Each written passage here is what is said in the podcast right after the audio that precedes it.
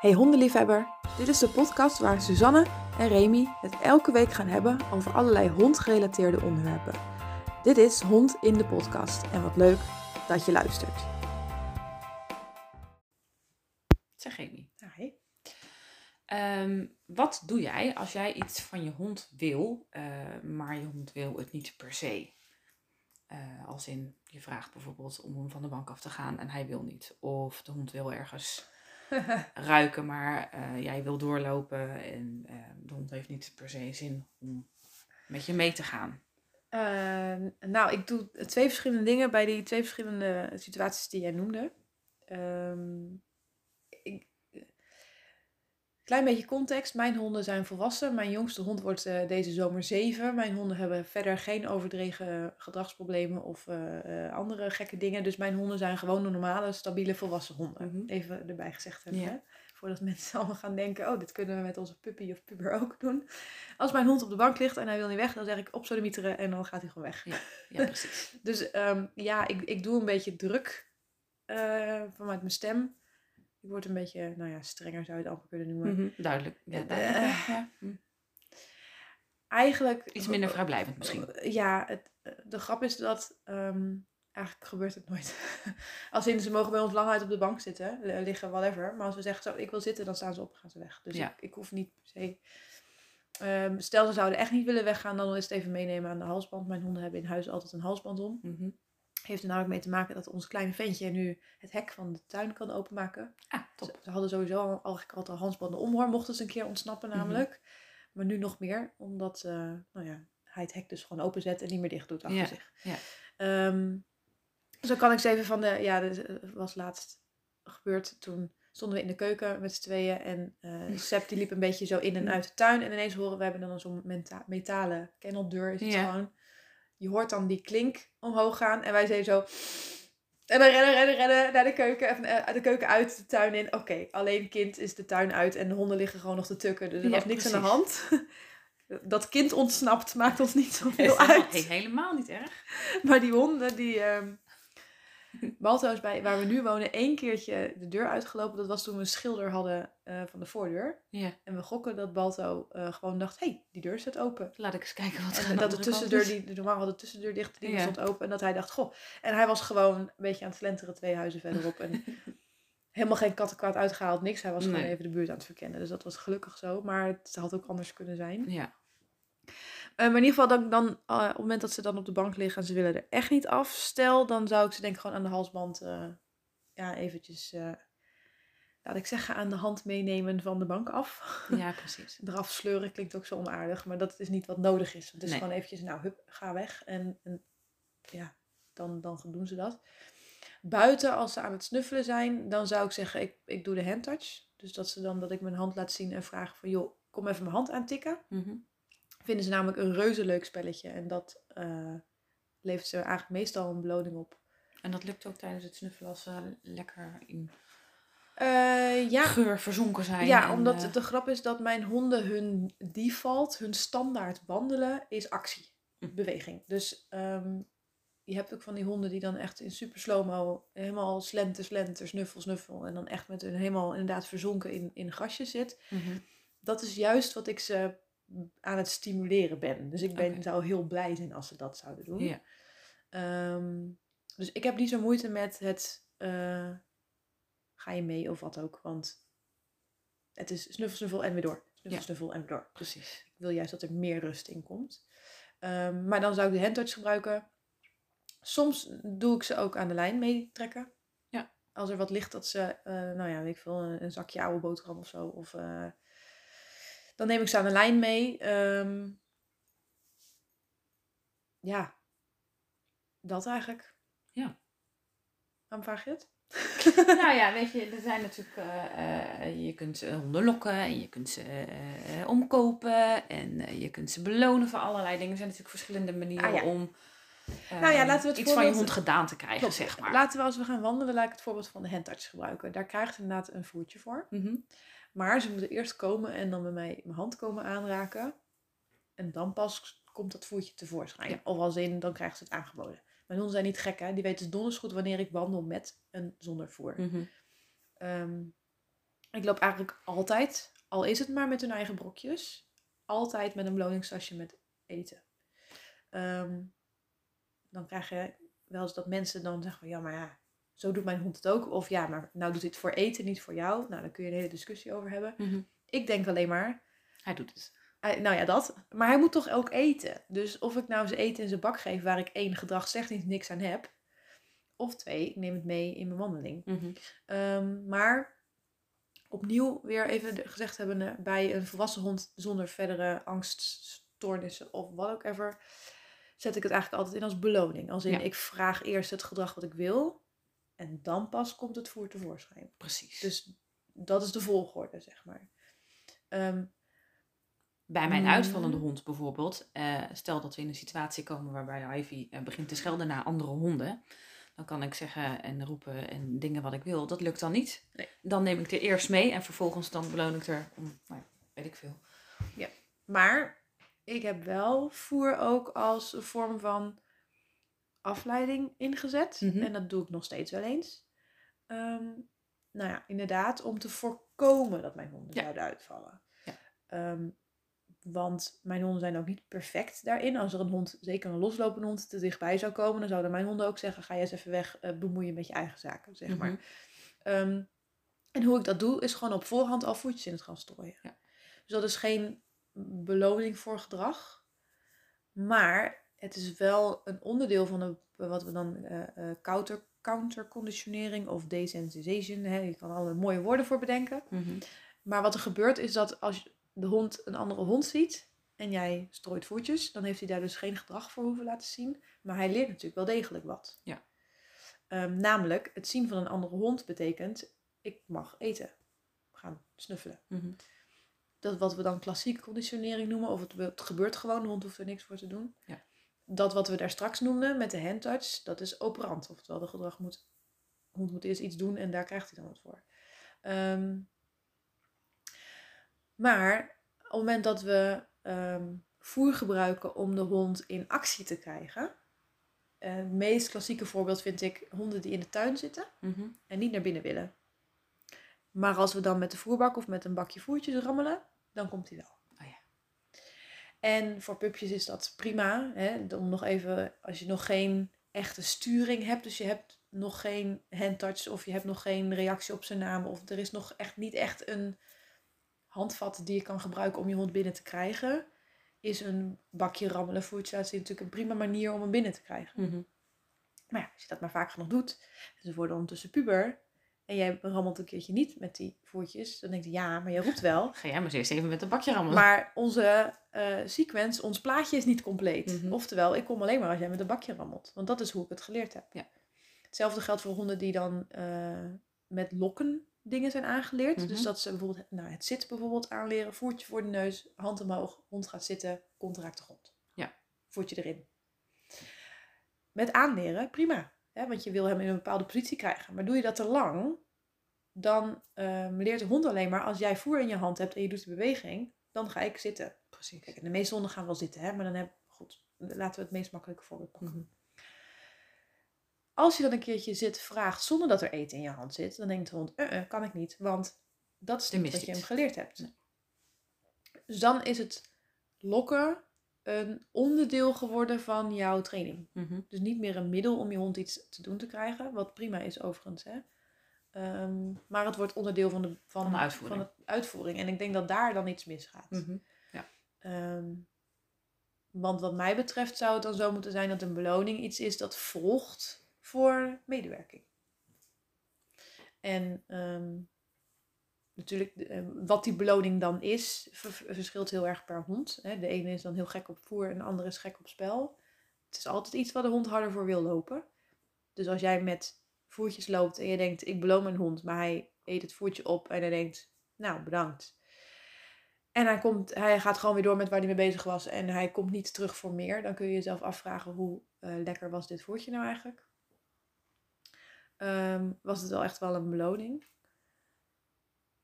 Maar wat ik bijvoorbeeld ook wel zie gebeuren is dat honden die dan ehm, ja, in hun hoofd hebben dat ze iets niet kunnen zonder dat er dan eten in de buurt is. En als je een beetje een slimme hond hebt, dan eh, gaat hij daar namelijk eh, ja, gebruik van maken met. ehm, al- eh, neem een hond die niet bij de dierenarts naar binnen wil. Dan Mhm. heb ik het niet over honden met angst voor dierenartsen, traumatische ervaringen, dat soort dingen. Gewoon een hond die in principe prima bij de dierenarts binnen, prima. Alleen hij heeft bedacht, als ik nou rem bij de deur, dan kom jij met je lekkere worstje Mhm. eh, voor mijn neus. Als ik slim genoeg ben en snel genoeg, dan kan ik dat uit je handen gritsen. Nog voordat ik überhaupt een stap gezet heb. Dan lopen we een metertje, want dan denk ik, kom achter de worstje aan. Mhm. En als ik dan weer rem, krijg ik weer een hapje van de worstje. Dus de hond heeft geleerd om zijn ehm, blokkade in te zetten in een voor hem eh, waardevolle situatie. Belonende situatie, ja. Ehm, wat bijvoorbeeld bij de sledenhondensport is het dus nogal zo dat huskies eh, ontsnappen. En mm, sommigen gaan er dan vandoor en anderen gaan daar een soort spelletje van maken. Ehm, het is ook altijd als, als je dan, als dat op zo'n wedstrijd gebeurt, je moet je voorstellen, dat is zo'n weiland en dan overal zijn allemaal caravans. Dus Mhm. een soort eh, groot camping, maar dan zonder luxe eh, spullen. Dan rent, daar rent een husky rond. en iedereen wil zich daarmee bemoeien, want iedereen wil natuurlijk de held zijn die die husky weer vangt. ja. Ehm, en ik zie dan altijd een soort cirkel ontstaan van, nou, soms wel 30 mensen die dan Oh. die husky proberen te vangen. Jeetje. En de een doet dat door te graaien. En dan zie ik alleen die husky denken, oh, dat was grappig. En die anderen proberen het met door hun hurken heen te gaan en dan met voertjes aan te bieden. Maar die doen dat dan niet op een punt waar ze die halsband kunnen pakken. Nee, die doen dat op armlengte afstand. Ja. Die strekken, strekken hun hand uit. Husky pakt dat worstje aan. Mensen denkt, goh, mooi. Nou kan ik hem met mijn andere hand graaien. Het duurt veel te lang. veel Jammer, te hond is alweer pleiten. Dus ondertussen heeft die hond één bij de ene persoon een soort halve stoeipartij te pakken, want ja, die is Mhm. aan het graaien. Bij de andere krijgt hij gratis worstjes en niemand krijgt die hond te pakken. Totdat de eigenaar het een keer beu is en zegt: eh, Ga zitten, kom hier. Iets van een opdracht geeft. Mhm. Hier is meestal al wel geroepen, maar iets van een duidelijke opdracht geeft. Waarbij de hond zoiets is: Oké, cool. En Dat dan uitvoert. uitvoert en gewoon de hond kan aanlijnen. Ah, nice. Dus ik moet er altijd stiekem een beetje om lachen. Dat dan, dat dan iedereen van op allerlei manieren probeert van, eh, om die hond dan te pakken te krijgen. En de hond alleen maar denkt, mooi, hier kan ik zo mijn voordeel mee doen. Ja. Ehm, en dan hebben we het dus over wanneer lokken eh, ja, tegen, je tegen gaat werken. Dus ik vind dat eh, een hond lokken ehm, niet erg. Als in, het is heel waardevol om inderdaad bepaalde posities aan te leren. Mhm. Maar je moet wel weten dat je daar op tijd mee stopt. Ja. Dus eigenlijk als het al vijf keer lukt om met die beweging, dat de hond dan meteen die beweging maakt, doe het dus zonder voer in je hand. En maak die beweging gewoon nog een keer. Gaat het ook voor goed, ga dan die beweging kleiner maken. Ga er een woord aan plakken. Dus we, willen, we zijn soms nog te lang in die aanleerfase bezig. Ja. Ehm, ik herken het op mijn veld wel dat je heel goed het verschil tussen mensen die oefenen thuis en mensen die niet oefenen. En inderdaad, met mensen die niet oefenen, die krijgen niet de volgende stap uitgelegd. Dus wat hun dan meekrijgen, is dat je, nou, eh, laten we het, het naastlopen pakken. Eh, een van de eerste stappen, niet helemaal, maar laten we het even makkelijk houden, is dat je de hond met een voertje op de juiste plek stuurt en Mhm. daar dan gaat belonen. Ja. Eh, en dan gaat lopen. Ehm, als je dat niet thuis oefent, dan wordt dat niet, je hebt daar een week genoeg aan, eh, wordt dat niet makkelijker. Als in, je moet echt de hond daar lokken met dat voertje, anders gaat hij daar niet komen. Ja.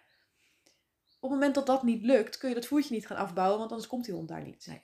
Dus die mensen krijgen nooit de volgende stap uitgelegd. Ondertussen is die cursus ergens een keer klaar. Ze hebben thuis weinig geoefend. En hun denken dat naastlopen is gewoon met een voetje voor de neus. Precies. Ja, nee, ja, stap 1. Maar stap 9 tot en met, nee, 1, 2 tot en met 10 is dat hij het voetje gaat wegbouwen. Ja. Want de hond weet inmiddels, als ik links naast je loop, gaat me dat voertjes opleveren. Maar ik moet eerst drie stappen zetten voordat Oh, dat voertje uit die zak komt. Ik moet eerst vijf stappen zetten, ik moet eerst tien stappen zetten. Oh, nu krijg ik er ineens weertje eentje als ik één stap zet, om even een voorbeeld te noemen. Mhm. Dus ehm, we blijven een beetje te lang hangen in dat aanleren, waardoor je dat lokken eh, onderdeel wordt van, de, van het gedrag, zeg ja. maar. Je hond kan het alleen maar als je bijvoorbeeld je hand in je zak hebt. Hè? Hoeveel honden doen dat dan niet? Ja. Oh, je hebt je hand in je zak, mooi, nou krijg ik koek. Precies. doen die van mij ook, hè? die zijn ook niet gek. Ehm, en de vraag is natuurlijk, hoe erg is dat? Nou ja, eh, dat mag je als eigenaar zelf bepalen of je dat erg vindt of niet. Ehm, Maar als mensen dan bij me komen met, ja, mijn hond doet het alleen maar als ik voer heb. Maar je oefent dan niet zo vaak, dan snap ik dat wel. Dan is Of je beloning is niet lekker genoeg, hè? dat kan natuurlijk ook. Dus dan is er wel, een, hij neemt het dan wel aan, maar er is geen beloning. Dus er is voor de hond geen meerwaarde om het te onthouden, zeg Nee. maar. Of je timing is verkeerd. Ik heb soms wel eens cursisten die hebben heel veel moeite met eh, contact krijgen met hun hond. Die is met van alles bezig, behalve met, met eh, de eigenaar. Eén, vaak heeft dat dan te maken met de waarde van de beloning. Want op het moment dat ik dan iets geef van ons, is meestal het contact er wel. ja. Ehm, maar wat er ook misgaat, is dat dan eh, die hond staat nou ja, met de kont naar de eigenaar toe en hoofd gericht op iets anders. Die, dat, die arm die wordt gestrekt voor de neus van de hond. En op het moment dat de hond dan op dat voertje reageert, laat ze het voertje los. Dan denk ik, maar wat heb je nu beloond? Je hebt gewoon eigenlijk die hond een voertje gegeven. Mhm. Ja, hij reageerde op je hand met je voetje. Oké, maar je wilt toch eigenlijk contact eerst? Dus haal eerst dat voetje. Mag je best voor de neus houden. Hè? Je mag best wel een hond een beetje uit zijn bubbeltje halen. Maar haal die hond naar je toe. Zeg tegen hem wat je van hem wil. Zit af, kijk, weet ik veel. eh, loop een stukje mee, maakt het uit. En ga daar dan voor belonen. Ja. En ehm, ik denk dat we soms best wel een beetje strenger mogen zijn tegen honden die denken: ach, jij weet het ook niet precies. Honden die denken: ach, ik krijg toch mijn voertje wel, ongeacht Mhm. wat ik ervoor doet, Ja. doe. Ehm, want dan is het wat lokken, omkopen, zeg maar, in je nadeel gaat werken. En beloning is echt wanneer je hond eerst gedrag doet en ook iets ontvangt waarvan hij denkt dat is een lekkere beloning. Maar goed, er zijn natuurlijk nog meer manieren om ehm, met voer te trainen. Wat eh, dan niet eens zozeer echt gedrag gekoppeld is. Als in de hond moet eerst zitten, dan krijgt hij een koekje. Mhm. Je kunt ook op een andere manier een hond dingen aanleren zonder dat je eh, ja, het hebt over. ehm, nee, maar ik moet het zo zeggen. Je kunt je hond belonen voor dingen die hij doet, zonder dat je echt gedrag vraagt. Dus wat ik al zei, helemaal in het begin, het stukje klassieke conditionering. Het zien van een andere hond betekent ik mag in, de, in het gras voertjes snuffelen. Ja. Eh, maar dat hoeft natuurlijk niet altijd een voer te zijn. We hebben het ook wel over spel gehad. Eh, maar jij hebt natuurlijk het BAD-boek gelezen, het Behavior Adjustment Training boek, BAD Ja. 2.0. En daarbij is bijvoorbeeld eh, je hond ruimte geven van een prikkel die ze moeilijk vinden, Ja. de beloning. Dat, was, dat was een hele sterke beloning, omdat het. ehm, eh, nou ja, wat, er dan gebeurt is, zeg maar, is op het moment dat mijn hond andere honden ziet en dat heel vervelend vindt, daar van allerlei eh, dingen bij voelt, eh, dat ze het soms heel lastig vindt om daarmee om te gaan, merk ik dat het helpt als ik de andere kant op loop, haar meeneem, waarbij zij een soort van opluchting voelt. En die opluchting die zij voelt op dat moment, ehm, is zo van waarde dat er eigenlijk geen voer tegen op kan. Ja. Op het moment dat ik daar, want ik heb daarvoor al die tijd met, met voer gedaan. Eh, en dat werkt een klein beetje. Eh, maar ik merk dat eh, het gevoel van, ja, van opluchting die ze dan krijgt eigenlijk. van ik, ik hoef er niks mee, ik mag de andere kant op. Dat dat een veel sterkere beloning is dan, dan het voer.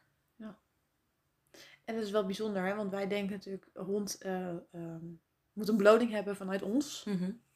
Ehm, maar dat hoeft ook helemaal niet. Nee. Ehm, en ik hoor hem ook wel eens van als een hond, nou ja, stel Ivy die inderdaad uitvalt, blaft naar andere honden. Jij zegt ik heb het ook wel met voer gedaan. Ja. Ehm, er is blijkbaar een communicatie vanuit Ivy met ik wil jou weg hebben. Want Mhm. anders is het weglopen ervan geen opluchting natuurlijk. Ja. Hè? Eh, want dat zijn tegenstelden van elkaar. Mhm. Ehm, dat stel je zou haar op zo'n moment dat ze staat te blaffen eh, een voertje geven, moet ik het even goed zeggen. Dat mensen dan zeggen dat je het uitvallen blaffen aan het belonen bent. Ja, dat klopt. Dat werd inderdaad vaak gezegd, ja. Maar in principe is dat natuurlijk niet zo. Want ehm, om gedrag te kunnen belonen moet een hond wel bewust zijn van wat ze, ehm, wat ze doen. Ja. En ehm, Die fase waren we denk ik al lang voorbij. Zij zit op dat moment al zo hoog in haar emoties dat Ja. zij überhaupt niet meer doorheeft wat ze aan het doen is. Nee. Dus dat zij blaft of gromt of wat ook, dat, dat Nee, beseft ze zich helemaal niet. ja, als een, honden gaan vaak, meestal, niet blaffen net van, nou, kijk even op mijn horloge. Zo, het is nu even tijd om nu even te blaffen. Nee, ik zie een postbode. En jij komt bij mijn huis. Wat doe jij hier? Ga eens weg. Mhm. Ehm Ivy, ik zie een andere hond. Wat doe jij hier? Ga weg. Eh, dat is meestal wel namelijk de communicatie. Ja. Ehm, opnieuw weer, dit is speculatie. Wij weten natuurlijk niet echt wat een hond denkt. Maar ehm, alles lijkt erop, eh, alles schijnt van te hebben dat ze honden eigenlijk willen wegsturen. Mhm. En het resultaat, het symptoom is vervolgens blaffen. Dus als je dan wil denken, oké, wat beloon ik dan op zo'n moment? Als de hond al voor als beloning al ervaart. Nou ja, Precies, we hebben ja. net gehoord, opluchting is eigenlijk een betere beloning op zo'n moment. Ehm, is dat eh, je eigenlijk die, kop- dat voer aan die, die eh, andere hond legt, koppelt. Ja. Dat is ook vaak het eh, ehm, gevaar bijvoorbeeld als we hem andersom draaien, met bijvoorbeeld correctie bijvoorbeeld. Als een hond in de stroomdraad loopt en hij ziet terwijl tegelijkertijd bijvoorbeeld een paard of een koe staan, dat ze, terwijl ze bezig waren met naar die koe lopen, dat, Dat ze dat dat- daaraan koppelen. Precies. Ehm, met tot de volgende keer, oké koeien, dat is een slecht plan. Nu moet, voor sommige honden is dat handig. Nu zeg ik niet dat je je hond tegen stroom aan moet gooien. Ehm, maar om iets te kunnen belonen of ook dus ook te corrigeren, moet de hond bewust zijn van wat hij aan het doen is. En veel, veel vaak is het zo dat als honden gedragsproblemen hebben, wat wij dan als zo ervaren, daar niet bewust van zijn. Nee, en dat de honden het dan gaan koppelen aan de situatie en niet aan het gedrag wat ze inzetten. Ja, want dat een hond blaft is alleen maar symptoom. Ja. Weet je, als je verdrietig bent, ga je huilen. Of je wordt boos. Of in ieder geval hè, de, de uiting van een bepaalde emotie. Het huilen bij verdriet. Ja, succes met dat aan- en uitzetten. Mhm. Je zou dat kunnen misschien trainen. Er zijn natuurlijk acteurs die kunnen huilen op commando. Ehm, maar dan, dan voel je nog steeds niet een bepaalde emotie. Misschien dat, Nee. is dat ze dat huilen op commando kunnen doen doordat ze een bepaalde emotie oproepen. Mhm. Dus eh, het een is altijd, eigenlijk altijd een gevolg van het ander. Ja. Ehm, natuurlijk kun je blaffen trainen bij honden, hè. Ehm, maar op zo'n moment, als er eh, angst, frustratie, boosheid, weet ik veel wat allemaal, onder zit, dan is dat waar ze mee bezig zijn. En niet met hoe ze zich dan vervolgens uiten. Nee. Oké, dus lokken is prima. En lokken bedoelen we met een voertje voor de neus. Ehm, bij aanleren van nieuwe dingen. Mhm. Ehm, maar zorg dan dat je timing van je beloning is zodra je hond het ook al heeft gedaan. Ehm, stel je, je hond wil je binnenhalen uit de tuin. Dat is prima in de eerste paar keer, maar koppel er dan altijd een ander gedrag aan. Als in een handtouch vragen of zijn naam roepen. Of in ieder geval iets waarvan hij weet, oké, als ik dat hoor en ik ga dat doen, dan komt het bakje met voetjes tevoorschijn. Precies. En niet, ik kom pas wanneer het bakje tevoorschijn er al is, Ja. zeg maar. Ehm, en bij het belonen van dingen, van wat beloon je nou eigenlijk? Ehm, ja, daar kom je eigenlijk alleen pas achter bij het echt observeren van wat doet mijn hond nou eigenlijk echt? Wil die inderdaad niet naar binnen bij de dierenarts omdat hij het echt eng en spannend vindt? Dus is hij ook gewoon als hij al eenmaal binnen is moeilijk en, en of, ja, vinden wij dan moeilijk hè? Of is het een trucje om de frikandel uit mijn zak te krijgen? Ja. Nou, heb je hier eh, vragen, opmerkingen of suggesties over? Ehm, dan kun je die sturen naar podcast.silverlinings.nl. Eh, elke maandagmiddag komt een nieuwe aflevering online. Op Spotify ook. Eh, en dan zeggen wij tot, tot de volgende.